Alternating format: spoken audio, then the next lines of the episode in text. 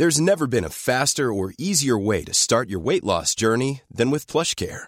PlushCare accepts most insurance plans and gives you online access to board-certified physicians who can prescribe FDA-approved weight loss medications like Wigovi and Zepbound for those who qualify. Take charge of your health and speak with a board-certified physician about a weight loss plan that's right for you.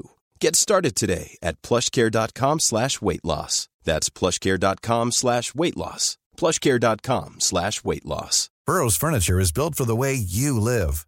From ensuring easy assembly and disassembly to honoring highly requested new colors for their award-winning seating, they always have their customers in mind. Their modular seating is made out of durable materials to last and grow with you. And with Burrow, you always get fast, free shipping. Get up to 60% off during Burrow's Memorial Day sale at burrow.com slash ACAST. That's burrow.com slash ACAST. burrow.com slash ACAST. Hiring for your small business? If you're not looking for professionals on LinkedIn, you're looking in the wrong place. That's like looking for your car keys in a fish tank. LinkedIn helps you hire professionals you can't find anywhere else, even those who aren't actively searching for a new job but might be open to the perfect role. In a given month, over 70% of LinkedIn users don't even visit other leading job sites. So start looking in the right place. With LinkedIn, you can hire professionals like a professional. Post your free job on linkedin.com slash people today.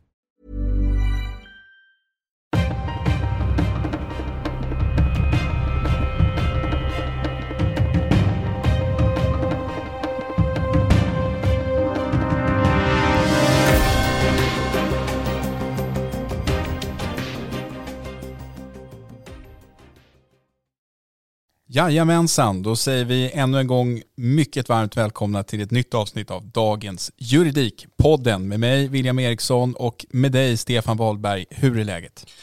Det är bra. Jag sitter här i solsken faktiskt. Det var det inte i morse när jag vaknade. Jag tycker att vädret är viktigt. Verkligen. Vi har ju levlat upp när det kommer till eh, studio. Det här är ingen dålig studio vi sitter i idag. Nej, idag är det eh, en av de finare studior med läder under, underlägg här på skrivbordet och sådär. Så att vi har fin, fin utsikt över takåsarna i centrala Stockholm och vacker, ska jag säga nästan Tiffany-grön tavla på väggen här i vår studio. Ja, verkligen. I nuläget ser det inte riktigt ut som att du respekterar inredning här. Det ligger godispapper till höger och vänster och, och mycket annat. Kommer du ta, ta bort det innan vi är klara sen? Ja, jag får ju städa efter dig också naturligtvis. Ja. På vilket sätt då? Den oreda du sprider omkring det här. Hör alla dina papper som jag nu plockar, plockar plockar upp runt din plats. Ja, det är bra. Du, eh, förutom att spela in podd eh, förra veckan så lyssnade vi också på en podd och jag gjorde även en intervju med de två personerna som har gjort den här podden. Den heter Under ytan och eh, den behandlar den så kallade allra härvan eller vad man ska kalla det. Och i den podden så presenterar man nu vad man påstår är helt nya uppgifter. Det är egentligen inte helt nya uppgifter men man presenterar ett helt nytt bevis som ingen annan än Alexander Ernstbergs advokat tidigare har tagit del av.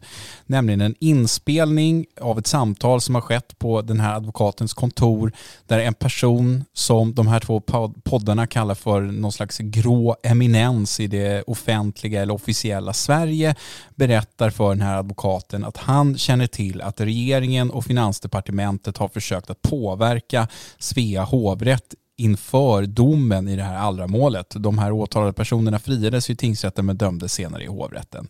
Och det har väl inte hänt så mycket mer efter att den podden publicerades förra veckan men jag tycker ändå det kan vara värt att nämna för jag anser att om det här skulle stämma, om de här uppgifterna som den här gråa eminensen lämnade till advokaten, om de stämmer så är det väl kanske Stefan en av de största rättsskandalerna i svensk rättshistoria. Ja men det är klart, precis som du säger, om det här stämmer så är det så. Men vägen fram till att visa att det verkligen förhöll sig på det sättet är, är lång, även om det här naturligtvis talar i den riktningen. Men skulle det vara så så är det, alltså det är en superjätteskandal om det skulle vara så att regeringen och departementet har på ett eller annat sätt försökt påverka dömandet i ett enskilt ärende i en domstol. I synnerhet i ett sånt här fall som har varit så uppmärksammat och där man då kan med fog säga att det är så pass komplicerat och svårt att genomtränga material, materialet att, att, att eh, det bör vara så klart som möjligt hur det här har handlagts, precis som i alla andra fall. Men när det är så här komplicerade grejer så blir det extra viktigt att domstolen verkligen har varit på tårna för att göra sitt yttersta. Vi pratar ju ibland om att det eh, liksom inleds förundersökningar och, och inleds utredningar både till höger och vänster och man brukar inte kräva så mycket för att inleda en förundersökning eller åtminstone börja titta på ett ärende. Inte det här uppgifter, alltså jag har ju åtminstone lyssnat på det här bandade samtalet och det har, antar jag att fler har gjort. inte det en uppgift som ändå skulle kunna väcka lite intresse hos den särskilda åklagarkammaren att man kanske skulle titta på saken? Ja, så jag, jag, kan inte, jag kan inte bedöma eh, trovärdigheten och tillförlitligheten i, i, det här, eh, i de här uppgifterna. Han är inte anonym på något sätt utan han är en person som, som eh, är, är onekligen i då den grå eminensens fack. Eh, och och eh, jag, jag kan inte bedöma riktigt det utan det här hänger ju snarare ihop med hur han har fått de här uppgifterna och, och, och, om han är förstahandskälla eller tredjehandskälla eller vad det nu må vara, vem som har berättat för honom eller hur han känner till det. Och ja, det, för att kunna utreda det rättsligt så skulle det ju då behöva inledas till exempel en förundersökning om det från statligt håll, åklagarhåll, skulle, skulle behöva utredas de här frågorna för att ta det vidare.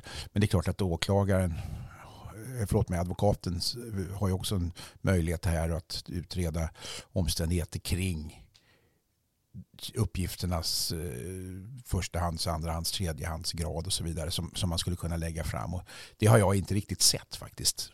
Nej, men jag menar, det, för mig är det i alla fall inte otänkbart att en åklagare vid särskild åklagarkammare skulle kunna titta på saken. För jag menar, det här är ändå en uppgift som, som förvisso advokaten delvis presenterade i sitt överklagande till Högsta domstolen, men där så eh, liksom HD fick ju aldrig möjlighet att ta del av det här inspelade samtalet och eh, HD fick ju heller aldrig ta del av vem den här källan var utan det, det framställdes som att man hade uppgifter från en hemlig källa om att det skulle ha utövats påtryckningar från regeringens sida i överklagandet. Det var en intervju i Dagens Industri som advokaten gjorde där.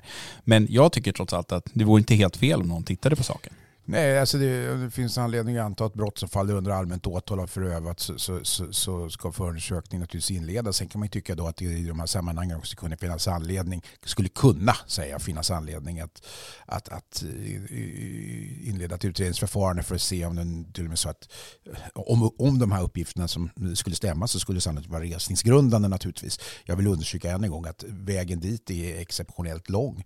Men det är klart att nu är inte den här personen en person som sitter centralt placerad inom regeringskansliet. Men det är klart att hade det varit hypotetiskt så att rättschefen vid justitiedepartementet hade lämnat sådana här uppgifter om att en, någon rättssakkunnig eller någon departementsråd hade varit eh, och, och, och kontaktat hovrätten i, i det här syftet så är det klart att det hade varit så pass intressant som man skulle kunna blundat för det. Men nu är det inte riktigt så. Men för all del, jag tycker att det är intressant därför att den här eh, starka tilltron, eh, inte minst i ett sånt här fall som behövs, eh, förtjänar att alla stenar blir vända på. Verkligen. Vi får väl se vad som händer. Låt oss gå vidare till en annan mycket uppmärksammad händelse i veckan. Ja, för i veckan så kom ju beskedet från riksåklagaren Petra Lund att eh, hon nu har fattat beslut att överklaga den uppmärksammade snippadomen från hovrätten i Västra Sverige. Det här fick ju såklart stor uppmärksamhet i media och jag kan tycka mig skönja att beskedet eller beslutet att eh, överklaga domen har liksom delat upp Sveriges jurister i två läger. Kanske en majoritet som tycker att det här var helt rätt och självklart och kanske en minoritet som tycker att nah, var inte det här lite väl populistiskt av riksåklagaren att gå till HD med det här målet med tanke på hur litet nålsöga det rör sig om? Vad står du i den frågan Stefan? Nej, men alltså jag tycker att det finns prejudikatsfrågor här som är intressanta som faktiskt har en, en direkt materiell innebörd för rättstillämpningen i Sverige och där det onekligen får anses vara oklart, inte minst i sådana här mål. Och om man tittar på de grunder som, som Petra Lund, alltså riksåklagaren, eh, tar upp för att det ska beviljas PT, alltså, alltså de som utifrån ett prejudikatsperspektiv är intressanta, så, alltså, så tycker jag att åtminstone två av dem är, är väldigt viktiga. Den ena rör då domstolarnas domstolens skyldighet till så kallad materiell processledning. Alltså att, att själv, eh, självmant se till att klargöra ord eller begrepp då, då som, som vars innebörd är oklara. Eh, och, och det är ju egentligen låter så här självklart även i en situation där vi har ett så kallat accusatoriskt eller kontradiktoriskt system där den typen av klargöranden helst ska göras av parterna. Men om det nu är inte klockrent för domstolen och domstolen ska kunna verka för att döma korrekt så, så bör man kanske ta det ett steg vidare. Och det här har prövats tidigare så det är svårt att säga exakt var gränserna går. Men det som jag tycker är viktigast av de här tre grunderna som Petra Lund eh, peka på det är faktiskt den delen som rör eh, samma fråga eh, som vi just pratade om fast då ur ett barnperspektiv. Eh, och det är inte bara utifrån då barnkonventionen och barnens rättigheter utan det kan även vara utifrån ett rättssäkerhetsperspektiv här. Att det finns ett uppenbart processuellt problem med att barn inte hörs under processen i sådana här sammanhang. Det är naturligtvis högst berättigat för att eh, skydda barnet ifrån en rättegång men det är klart att det uppkommer processuella problem när man inte kan ställa följdfrågor på det sätt som man kan göra till andra målsäganden och vittnen. Va? Och när man då i barnförhör Eh, som sen spelas upp i rättegången inte fullt ut klargör samma sak som Petra Lund skriver avseende eh, då innebörden som, som nämns i gärningsbeskrivning. När man inte klargör vad är det egentligen som avses med det här. Eller rättare sagt när domstolen inte anser att det är klarlagt. För det kanske både åklagaren och, och, och förhörsledaren anser. Ja då är frågan, ska man inte ta det här vidare och säga vi får, vi får aktionera oss här och, och se vad är det egentligen som avses med det här ordet som det här barnet säger. Och vad är det som avses med den här, det här äh, teckenspråket som barnet uppvisar. För det är som bekant helt avgörande för utgången av målet i den här, i den här typen av fall. Och då är, är det naturligtvis viktigt att sånt här klargörs så att det inte blir hängande i luften. Men hur, liksom, hur höga och stora krav kan man sätta på domstolarna då när det kommer till materiell processledning? Alltså, förhoppningsvis ska inte målet vara liksom färdig processat när det kommer till domstol. Det ska väl inte finnas några oklarheter? Är inte det sådana brister som ska falla tillbaka på åklagaren och, och polisen i så fall? Jo, det kan det vara. Det, så kan det vara. Det, det ska naturligtvis så långt det är möjligt vara färdig berett eh, så att man kommer till dukat bord som domstol. Så är ju grundtanken. Men det är ju ofrånkomligt så att i ärenden som antingen är, eller som är komplicerade av ett eller annat slag där det, att det kommer komma upp frågetecken kring vad som avses med det här vad menar vittnet med när ni säger så här och så vidare. Och det kan ju gälla även målsägandens utsago, i det här fallet ett barns utsago som inte kan klargöras ordentligt genom barnets närvaro i rätten. Då tycker jag för liksom domstolens legitimitet och för, för målets rättssäkerhet att det är rimligt att det klarläggs så att man verkligen kan arbeta för sakens korrekta och rätta belysning.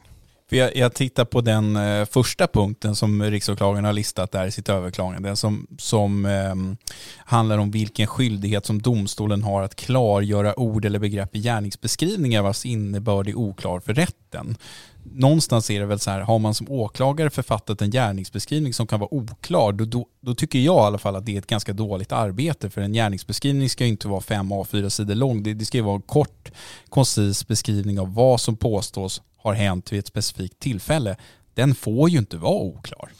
Den får inte vara oklar, men ibland kan det bli oklar. Jag har sett andra exempel på det som inte alls har samma anatomiska innebörd som det här är ett sexualbrottmål, huruvida det med snippa avses. De... Nej, och här får jag bara flika in den här gärningsbeskrivningen i det här målet tyckte inte jag var oklar för fem öre. För, för jag är fullt bekant med ordet snippa, så ingen kritik mot åklagaren här. Men, men jag bara understryker, jag tycker en gärningsbeskrivning får inte vara oklar. Nej, den får inte vara oklar, det är riktigt. Men det är ändå så att vissa ord som inte har en legal definition utan mer i vardagligt språkbruk har en innebörd och, och, och kanske då skiljer sig åt i, i, olika individers huvuden. I det här fallet ordet snippa då onekligen, men det kan finnas andra, andra uttryck som inte är allmänt vetliga till sin exakta innebörd. Det är klart att det kan uppkomma och med jämna mellanrum uppkommer vid eh, då rättegångar. Och där måste man då ställa sig frågan, ska det här utredas eller inte? Eller ska åklagaren eller parterna så långt det är möjligt så att säga, förklara att nu förstår jag att det här ordet som jag använt i min gärningsbeskrivning är, är, är väldigt svårt att tolka eller kan vara svårt att tolka och därför vill jag understryka att med det här och det här avses exakt det här och det här. Det blir till slut så att domstolarna ändå rimligtvis måste kunna ställa frågor om det är någonting som är oklart.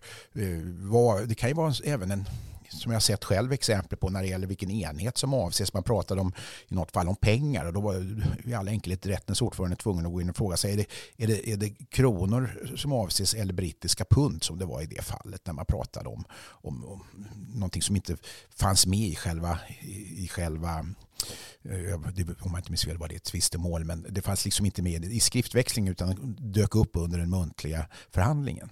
Men om vi går tillbaka till, till den första frågan där, det som kanske har splittrat dem, splittra är ett starkt ord, men, men som har delat eh, juristerna i två, två läger så att säga. Eh, om man nu skulle anse att det är populistiskt av Petra Lund att överklaga den här domen till Högsta domstolen, och låt oss säga att vi sätter oss i den positionen att vi tycker det, spelar det någon roll? överhuvudtaget. Det står väl henne fritt och riksåklagarämbetet fritt att överklaga vilka domar som helst till Högsta domstolen? Ja, det är klart att det gör. Alltså, det är klart att det gör. Sen om man har åsikter kring det så är det ytterst naturligtvis regeringens eh, uppfattning kring vad, vad, vad åklagare, eller regeringen, det är regeringen som är huvudman för åklagarmyndigheten. Sen har ju flera åklagare, riksåklagaren ska jag säga, ett, ett, en fullmakt och kan inte avsättas eh, hur som helst och så vidare. Så det, det, det är en svår fråga naturligtvis, men riksåklagaren kan ju inte ägna sig åt sånt som, som upprepade tillfällen anses vara utanför hennes eller hans uppdrag beroende på vem, vem som nu sitter på den här stolen. Jag tycker att jag menar att, att man får ta emot viss kritik från visst håll det är en sak men det är klart att det finns relevans trots allt för de frågeställningar som uppkommer i det här vare sig det kommer meddelas PT eller inte från Högsta domstolen. Det, det, det måste man nog säga därför att den har väckt frågor som är eh, väldigt, väldigt näraliggande både vardagslivet eh, och, och som har bäring då på domstolarnas verksamhet. Så jag, jag, jag, tycker nog att, jag tycker själv att det här var, det var bra att hon begärde eh, prövningstillstånd i Högsta domstolen. Sen vet jag inte om de kommer meddela prövningstillstånd. Inte minst med tanke på att det kan vara svårt att avgränsa den här typen av frågor som rör just eh, materiell processledning och hur det ska gå till. Däremot som jag, en, eh, som jag säger gärna än, än en gång att den här sista punkten tycker jag är, är, är ganska ganska väsentlig för framtiden. Hur ska man hantera oklarheter som uppkommit i en barnförhör när barnet inte kan, kan kompletteringsförhöras i, i, under den muntliga huvudförhandlingen? Men om det skulle bli så, vilket det, det alltid alltså det mesta nästan alltid talar för när det handlar om Högsta domstolen, att det inte kommer bli prövningstillstånd i det här målet. Då kommer ju naturligtvis det att mötas av eh, skarp kritik från vissa delar av befolkningen, allmänheten i stort. Jag tycker att det här är verkligen någonting som Högsta domstolen borde pröva. Jag tror inte att det kommer drabba Högsta domstolen särskilt mycket, men tror du inte att det hade varit mer eller mindre omöjligt för Petra Lund, riksåklagaren här, att bara iskallt säga att nej, det här eh, får vi låta passera. Ibland händer sådana här saker. Vi kan inte överklaga det här för det finns inget prejudikatsintresse. Hon sitter ju i en svårare sits där än Högsta domstolen säger att nej, det här är inte av vikt för rättstillämpningen att pröva det här målet.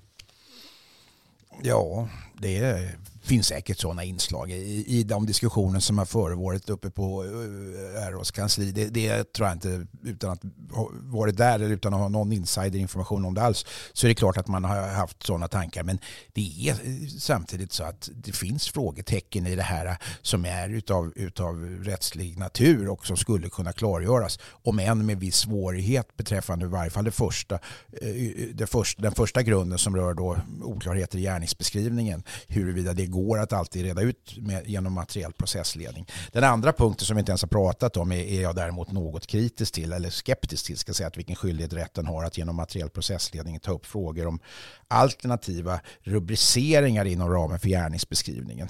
Eh, ja, jag vet inte, där kan man nog säga att där har du inte samma, alltså en skicklig åklagare, vilket åklagare ska vara, de, de ska kunna eh, formulera sin gärningsbeskrivning och för den delen sina brottsrubriceringar också på ett sätt som är, som är eh, adekvata med framförallt brottsrubriceringarna. Där, där råder det ingen tvekan om vad som avses för att en brottsrubricering är en legal definition av en viss typ av gärning som ska vara täckt av subjektiva och objektiva rekvisit och så vidare. Men, men den, den, punkten vet jag inte om jag tycker är, är så väsentlig att få ett klarläggande från HD kring för det tycker jag är uppenbart.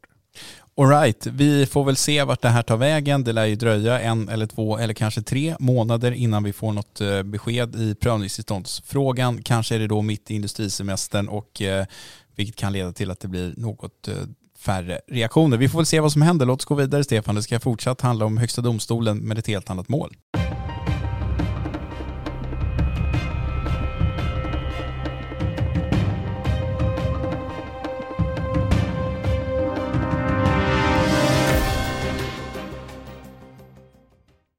För nu ska vi prata om en eh, utesluten tidigare advokat som eh, i slutet av förra året, tror jag det var, det kanske var längre tillbaka än så, men det var under förra året i alla fall, som hon uteslöts av Advokatsamfundets disciplinnämnd, detta mot bakgrund av att hon hade inlett en romans med en gängkriminell klient som hon också låtit bo i sin lägenhet, skjutsat runt i stan och köpt en mobiltelefon till när hans hade beslagtagits.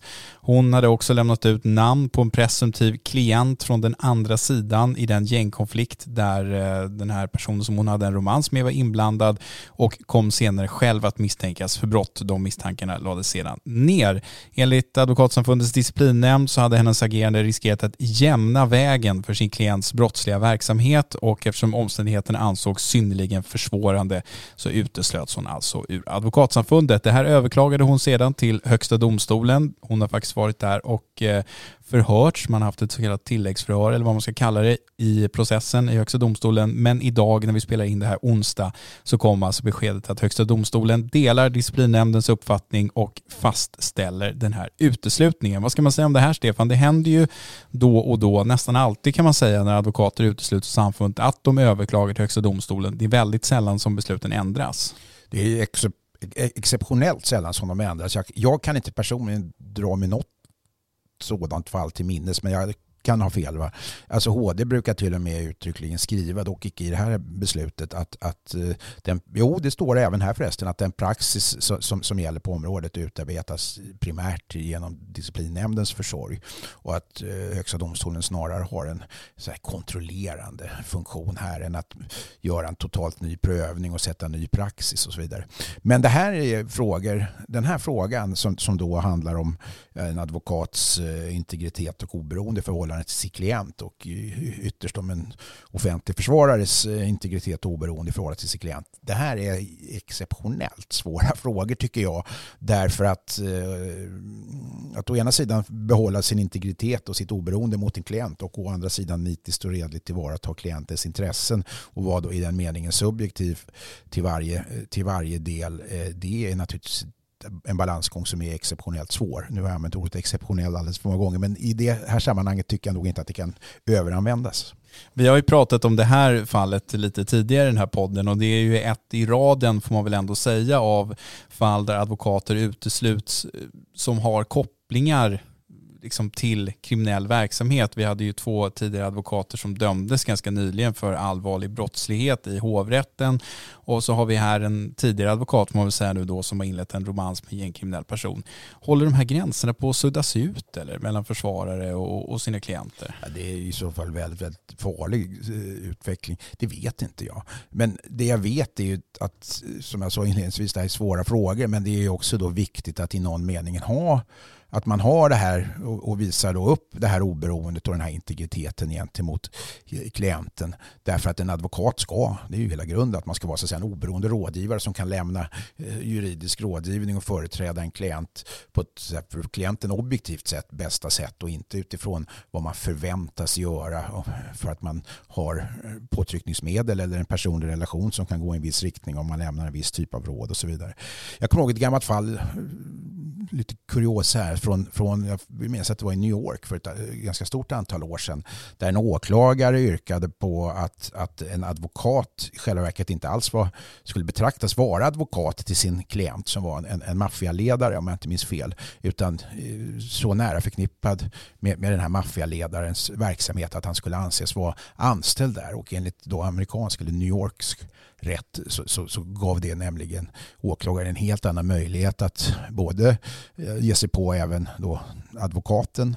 Eh, som i så fall var en del av den här eh, enligt åklagaren kriminella organisationen om han, hade, om han var anställd där och inte en fristående rådgivare. Men det gav också då möjlighet att eh, frigöra den här då advokaten från hans tystnadsplikt som han hade som advokat om han i själva verket skulle anses som underställd och anställd av den här maffiabossen. Det här illustrerar ju, även om det är amerikansk rätt och inte svensk rätt, så illustrerar det i någon mening vikten av att en advokat faktiskt är en advokat och inte en, en, en bolagsjurist eller en anställd hos, hos sin klient därför att det ger två olika, olika funktioner.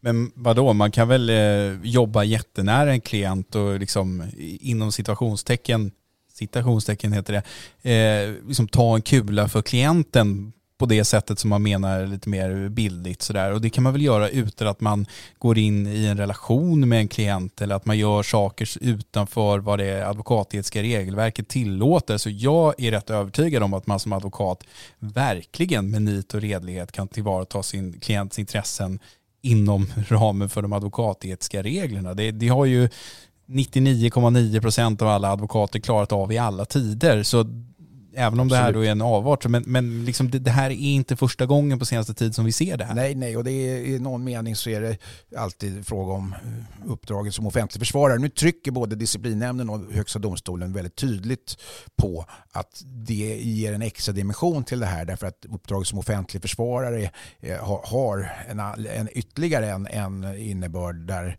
av att man måste så att säga hålla en, en personlig mur mellan... En armlängds avstånd ja, kanske? Samtidigt så är det så att det finns väldigt fina bestämmelser i advokatsamfundets stadgar eh, som också åberopas här, nämligen beträffande advokat, förbudet mot advokaten att ha ekonomiska transaktioner med klienten som, som då inte har en bäring på, på den, det uppdrag man har. Och det kan man väl säga att in, inom civilrättsliga sammanhang så är nog det en och annan advokat som om den regeln tillämpades slaviskt eh, har ett och annat att tänka på eh, beträffande både vissa gemensamma näringsintressen och för den delen andra ekonomiska transaktioner. Sen är det ju frågan om hur nära man kan umgås med en klient. Man behöver inte hoppa i säng med klienten som i det här fallet eh, om man nu får utgå ifrån det utifrån den kärleksroman som hon själv säger sig ha haft med klienten. Utan hur nära relation kan man egentligen ha med en klient? Kan man umgås privat eh, efter många års eh, då, uppdrag? Kan man eh, eh, ha, ha, gemensamma vänner? Kan man, hur mycket? Det här är svåra frågor. Jag är helt säker på att det är lättare när man har en gängkrim, med en gängkriminell att göra att hålla armlängds avstånd som advokat än när man sitter som, som offentlig försvarare i ett, i ett ekomål med, nu är jag väldigt så här schabloniserande men inom citationstecken, med likasinnade. Men eh, när jag intervjuade Mia Edvall Insulander, generalsekreteraren för Advokatsamfundet, ganska nyligen så berättade hon ändå om att eh, den här negativa publiciteten som har varit de senaste åren kring händelser som den här har påverkat liksom kåren på det sättet att det finns personer som säger till henne att de inte känner sig lika stolta över att vara advokater idag som de var tidigare och så.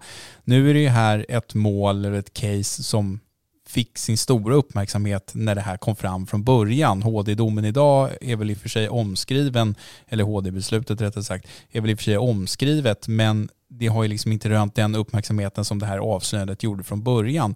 Tror du att det här ändå trots allt liksom fortsätter att nagga kåren lite i kanten sådär? Ja, det tror jag.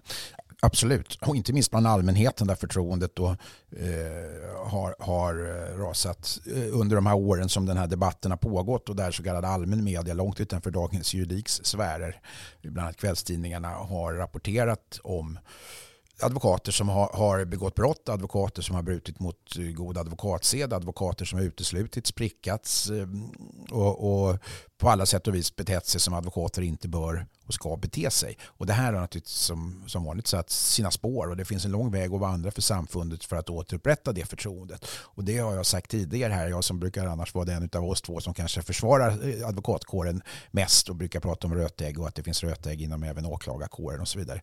Jag eh, är, är väl medveten om att det har varit för många fall av det här.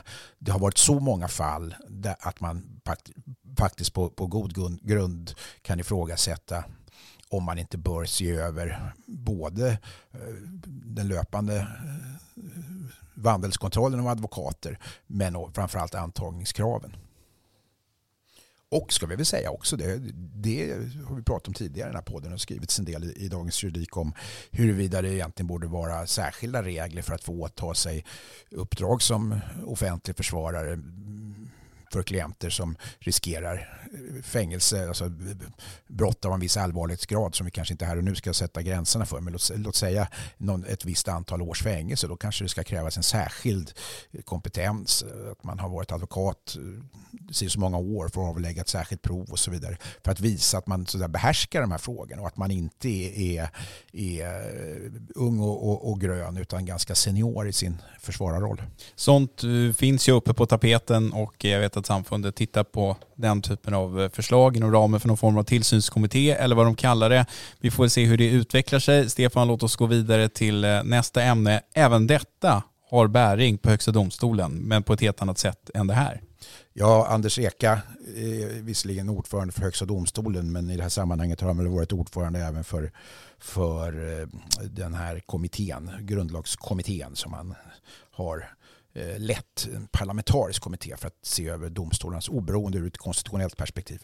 Ja, för eh, Anders Eka har ju tillsammans med representanter från samtliga riksdagspartier under snart tre år suttit med pannorna i djupa väck och funderat på hur man ska stärka domstolarnas och domarnas oberoende. Eh, nu har man då efter tre års tid lämnat över ett betänkande till justitieministern och eh, därför lämnar man förslag på en hel del olika saker men jag tänkte att du och jag Stefan skulle koncentrera oss på det som faktiskt är kopplat till just domarna och domstolarna och de förslagen som man lägger fram, det finns en del olika sådana, de handlar ju mer eller mindre som jag tolkar om att man ska liksom förflytta flytta makten från regeringen och snarare lägga den under riksdagen. Det vill säga man vill inte att olika myndigheter eller organ som lyder under regeringen, typ justitiekanslern och sådär, ska vara den som granskar domstolarna och domarnas arbete, utan snarare sånt kan göras av exempelvis Riksrevisionen eller JO eller den typen av organ som snarare lyder under riksdagen. Och allt det här handlar väl om att försvåra för en eventuell eh, extrem regering som i framtiden skulle vilja ta Eh, den här typen av makt i sina egna händer och, och, tillsätta nya och egna domare i Högsta domstolen eller minska antalet domare i Högsta domstolen eller vad man nu skulle vilja göra för att så att säga öka regeringens kontroll över domarna och domstolsväsendet. Håller du med mig? Ja, absolut. Vi har ju pratat om det här många gånger tidigare och det har varit uppe till debatt i, i flera år. Anledningen, eh, det finns egentligen två anledningar till det. Den ena anledningen är att vi har i vår nära omvärld inom EU, bland annat Ungern och Polen, sett en förflyttning där politiker är inne och, och tafsar på rättsstatliga principer som till exempel domstolarnas oberoende. Eh, det är den ena. Den andra är att i, i ljuset av detta så har vi insett att vi själva har varit väldigt naiva i, i vår konstitutionella framställning kring domstolarna domstolarnas oberoende, inte minst i en praktisk mening där det då har blottats eh, ett, ett antal allvarliga risker eh, där man då till exempel inte har begränsat eh, antalet ledamöter som kan utses till högsta domstolen eller man har inte begränsat sånt som pensionsålder och så vidare som, som då rent praktiskt innebär att en illasinnad regering skulle kunna då förändra sammansättningen i högsta domstolen teoretiskt sett oändligt genom att ut, utnämna låt säga, 300 justitieråd och sen, sen då marginalisera de justitieråd som, som då tidigt, sen, sedan tidigare varit utnämnda eller till och med pensionera bort dem och, och, och så vidare. Och det här, det här är, är, då en svensk eh, ska vi kalla för lite naivitet i de här sammanhangen. Sen har man naturligtvis medvetet ifrån det politiska eh, styrets sida genom åren sett till så att till exempel justitiekanslern har haft att, till, att tillsyna domstolsväsendet i någon mening. Eh, och JK är ju som bekant en myndighet som lyder direkt under regeringen och det anses då i de här sammanhangen olämpligt. Sist men inte minst så har man då tittat tittat på, på alltså Domstolsverkets roll idag. Domstolsverket är ju en, också en förvaltningsmyndighet under regeringen som håller i både budgeten för, visserligen använder samma så formella fördelningsnycklar för att fördela budgeten till de olika domstolarna eh, utan att förändra den. Men det skulle man kunna tänka sig att en ny generaldirektör som utses av en illasinnad regering ser till att domstolar som inte sköter sig får mindre pengar och, och de, som, de som dömer enligt, enligt de politiska pekpinnarna får mer pengar och så vidare. Så även här pratar man om att förändra då den centrala, ska vi kalla för administrativa domstolsadministrationen från att vara eh, dagens domstolsverk till att bli en ny domstolsstyrelse som ska ha en helt annan oberoende eh, roll i förhållande till eh, den styrande makten, det vill säga regeringen. Om man tittar, jag tycker det är ett förslag som är ganska smart, nämligen när det handlar om Högsta domstolen och Högsta förvaltningsdomstolen. Att då, då föreslår man att man dels ska reglera antalet domare i de här högsta domstolarna så att de, de bara ska få vara mellan 12 till 20 justitieråd. Det, det, så ser inte regleringen ut idag.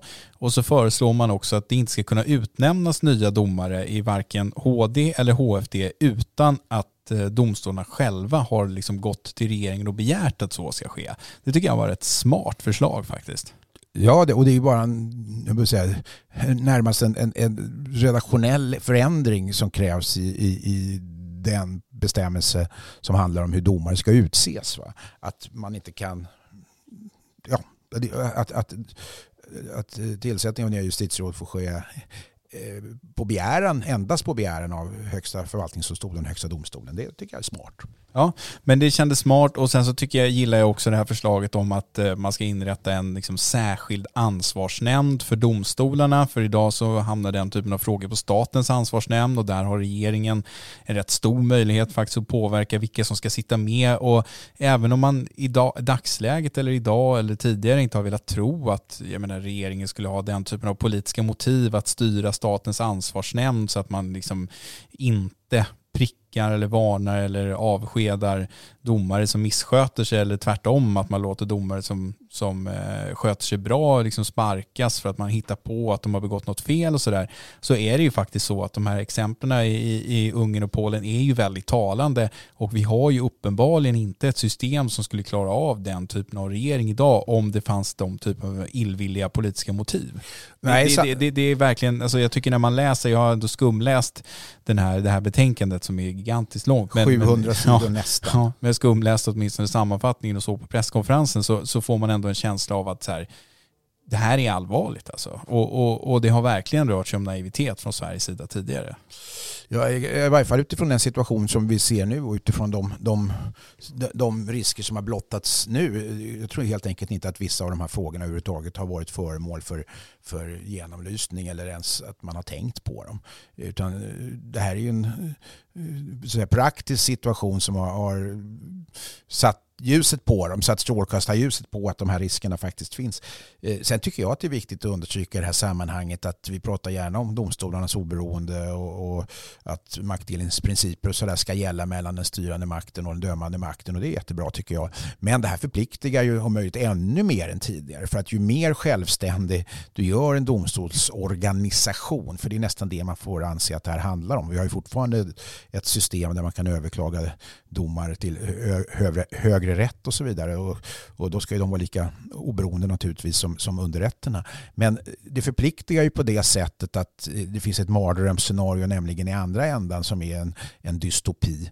Att domstolarna blir så autonoma och, och, och självständiga att de i det fall det lyckas nästla sin onda och illasinnade domare där till slut inte kan avsättas eller på något sätt eh, läxas upp eller, eller i övrigt eh, säga, man, man, helt tappar all kontroll över, över det som sådant. Och därför ju att både rekrytering av domare upprätthålls, det behöver inte gå så långt vill jag säga som, som den dystopia utmålade här men ändå som ett, ett skräckscenario.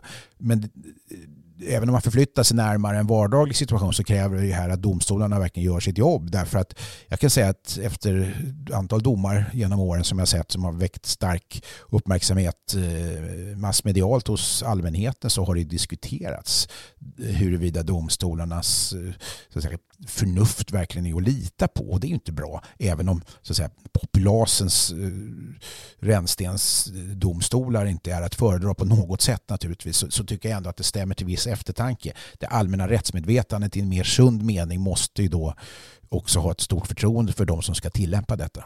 När man ändå pratar oberoende domstolar, man hade inte kunnat tänka sig att en sån här parlamentarisk kommitté skulle se över exempelvis nämndemannasystemet också. Det är ju ingenting som jag, eh, åtminstone vad jag har kunnat läsa mig till, som har liksom legat på dem i det här eh, uppdraget i den parlamentariska kommittén. Det hade väl inte varit otänkbart att slänga med en, en sån fråga?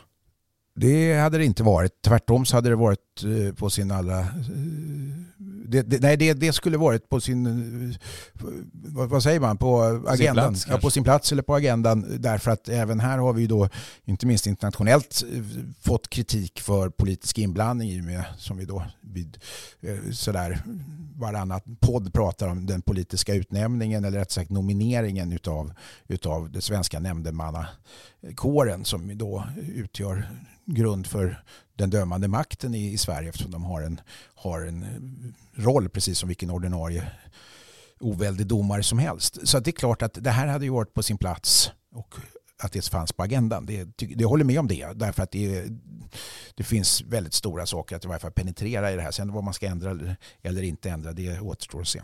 För det slog mig nämligen eftersom samma dag som eh, Anders Eke presenterade det här betänkandet från den parlamentariska kommittén så fick jag ett pressmeddelande från Domstolsverket där man skrev att man hade fått i uppdrag av regeringen att liksom kampanja för det här nya valet till nya nämndemän för nästa mandatperiod och där man vid flera gånger i den texten i pressmeddelandet understryker vikten av att det ska rekryteras brett och man understryker vikten av att eh, det spelar ingen roll om man är medlem i ett politiskt parti eller inte, man måste leta utanför de politiska organisationerna etc. etc jag menar om det krävs att Domstolsverket går ut och upplyser allmänheten och de politiska partierna på lokal, kommunal och regional nivå att man ska göra så, hade det inte varit rimligt att man slängde in en sån utredningsfråga i det här betänkandet? Jag, jag kan inte frigöra mig från den tanken. Nej, ja, vi är tydligen överens på den punkten. Ja, det var enkelt. Du, eh, vi är väl klara för idag Stefan. Har du något eh, på gång som du vill berätta för lyssnarna? Nej inget spännande alls i mitt liv. Jag, jag, jag brukar lite tråkigt inleda med att prata om vädret. Jag tycker nämligen att det är viktigt med väder och, och nu är det års, årstidsförändringar i luften och det gör ju att vårkänslorna spirar och vi har snart en tidsomställning i, i eh, sommartid och sådär. Så att jag önskar alla en, en, en trevlig vår, vad heter det, inte vårdagjämning för det tror jag redan vi har haft. Det var igår. Ja, det var igår. Utan en, en vad säger man, sommartidsomställning och hur var det nu man ställer fram eh, sina utemöbler, då ska man ställa fram klockan. Ja, det stämmer. Vi vill ju ha längre dagar än tidigare, mer sol, så då ställer man fram klockan och ut utemöblerna. Stort tack för att ni har lyssnat på veckans avsnitt av Dagens Juridikpodden. Glöm inte att höra av er till oss på podden att dagensjuridik.se med synpunkter, hejarop eller annat. Om inte vi hörs innan dess så hörs vi på fredag om en vecka. Trevlig helg. Hej!